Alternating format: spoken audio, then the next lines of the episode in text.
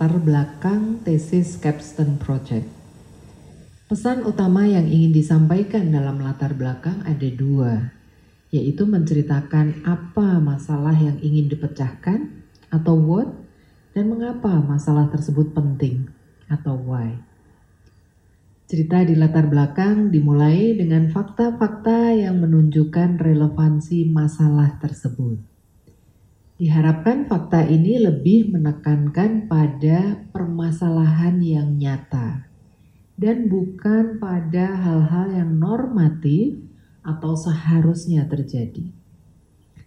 Contoh hal yang normatif adalah misalnya ketika Bapak Ibu menuliskan sebagai berikut Pemerintah berkewajiban untuk memenuhi ketersediaan hak dasar bagi setiap warga negara, di mana salah satunya adalah kesehatan. Hal tersebut sejalan dengan pasal 34 ayat 2 Undang-Undang Dasar 1945 yang mengamanahkan kepada negara untuk mengembangkan sistem jaminan sosial bagi seluruh rakyat Indonesia. Dalam Undang-Undang Nomor 36 Tahun 2009 tentang Kesehatan, pada pasal 5 juga menekankan bahwa setiap orang mempunyai hak yang sama dalam memperoleh akses atas sumber daya di bidang kesehatan yang aman, bermutu, dan terjangkau. Dan seterusnya. Nah, eh, paragraf tersebut dapat ditulis secara berbeda dengan lebih menekankan pada fakta yang menunjukkan masalah akses pelayanan kesehatan. Contohnya seperti ini. Aksesibilitas pelayanan kesehatan di Indonesia masih merupakan sebuah masalah. Menurut Riskesdas 2013, hanya 39,6 persen masyarakat di Provinsi NTT yang mengetahui keberadaan rumah sakit pemerintah.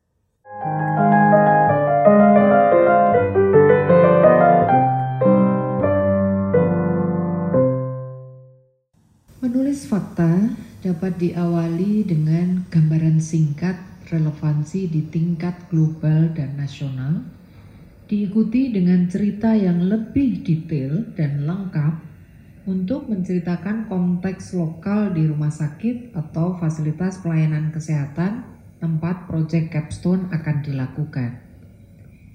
Ingatlah bahwa pembaca belum pernah berkunjung ke rumah sakit Bapak dan Ibu. Oleh karenanya, deskripsi tentang konteks lokal ini sangatlah penting. Bapak Ibu dapat menceritakan fakta yang menunjukkan besarnya atau seriusnya suatu permasalahan, misalnya dengan mendeskripsikan masalahnya, seberapa sering kejadiannya, pada siapa masalah tersebut terjadi, di setting mana, serta sejak kapan terjadinya. Selain itu juga dapat dilengkapi dengan apa dampak atau kerugian yang ditimbulkan apabila tidak terselesaikan dengan baik. Untuk membantu agar permasalahan lebih spesifik, Bapak Ibu dapat pula memfokuskan pada kelompok tertentu, unit tertentu, atau setting tertentu, dan membatasi pada penyebab tertentu yang dapat diatasi. Dengan demikian, kemungkinan keberhasilan untuk memecahkan masalah menjadi lebih besar. Contohnya adalah sebagai berikut. Ketika Bapak Ibu mengangkat permasalahan kecelakaan lalu lintas, kita dapat bercerita seberapa sering kecelakaan itu terjadi, apa akibatnya bagi pengendara dari sisi kesehatan dan biayanya. Kecelakaan tentu dapat terjadi karena beberapa penyebab.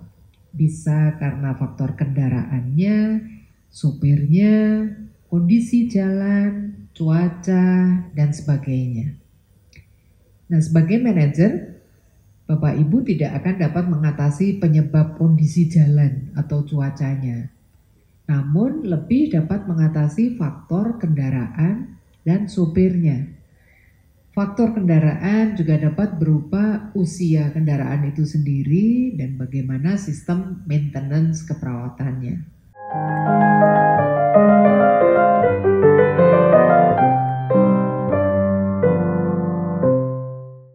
Contohnya, ketika Bapak Ibu mengangkat permasalahan tentang kecelakaan lalu lintas, kita dapat bercerita seberapa sering kecelakaan itu terjadi, di mana terjadinya, apa akibatnya bagi pengendara dari sisi kesehatan dan biayanya. Kecelakaan dapat terjadi karena beberapa penyebab, bisa dari faktor kendaraannya, supirnya, kondisi jalan, cuaca, dan sebagainya. Nah, sebagai manajer, Bapak Ibu akan sulit mengatasi penyebab kondisi jalan atau cuacanya. Namun kita lebih dapat mengatasi faktor kendaraan dan supirnya. Nah, faktor kendaraan bisa karena usia kendaraan dan sistem maintenance. Sehingga dengan begitu kita dapat memfokuskan pada sistem misalnya maintenance kendaraan. Terakhir, Bapak dan Ibu, untuk menjaga agar alur cerita latar belakang itu bisa runtut, Bapak Ibu dapat menuliskan atau mereview terlebih dahulu poin-poin yang ingin disampaikan. Memastikan bahwa poin-poin ini sudah membentuk kerucut terbalik, yaitu dari hal umum ke khusus. Baru kemudian dikembangkan poin-poin tersebut menjadi paragraf-paragraf. Selamat menulis.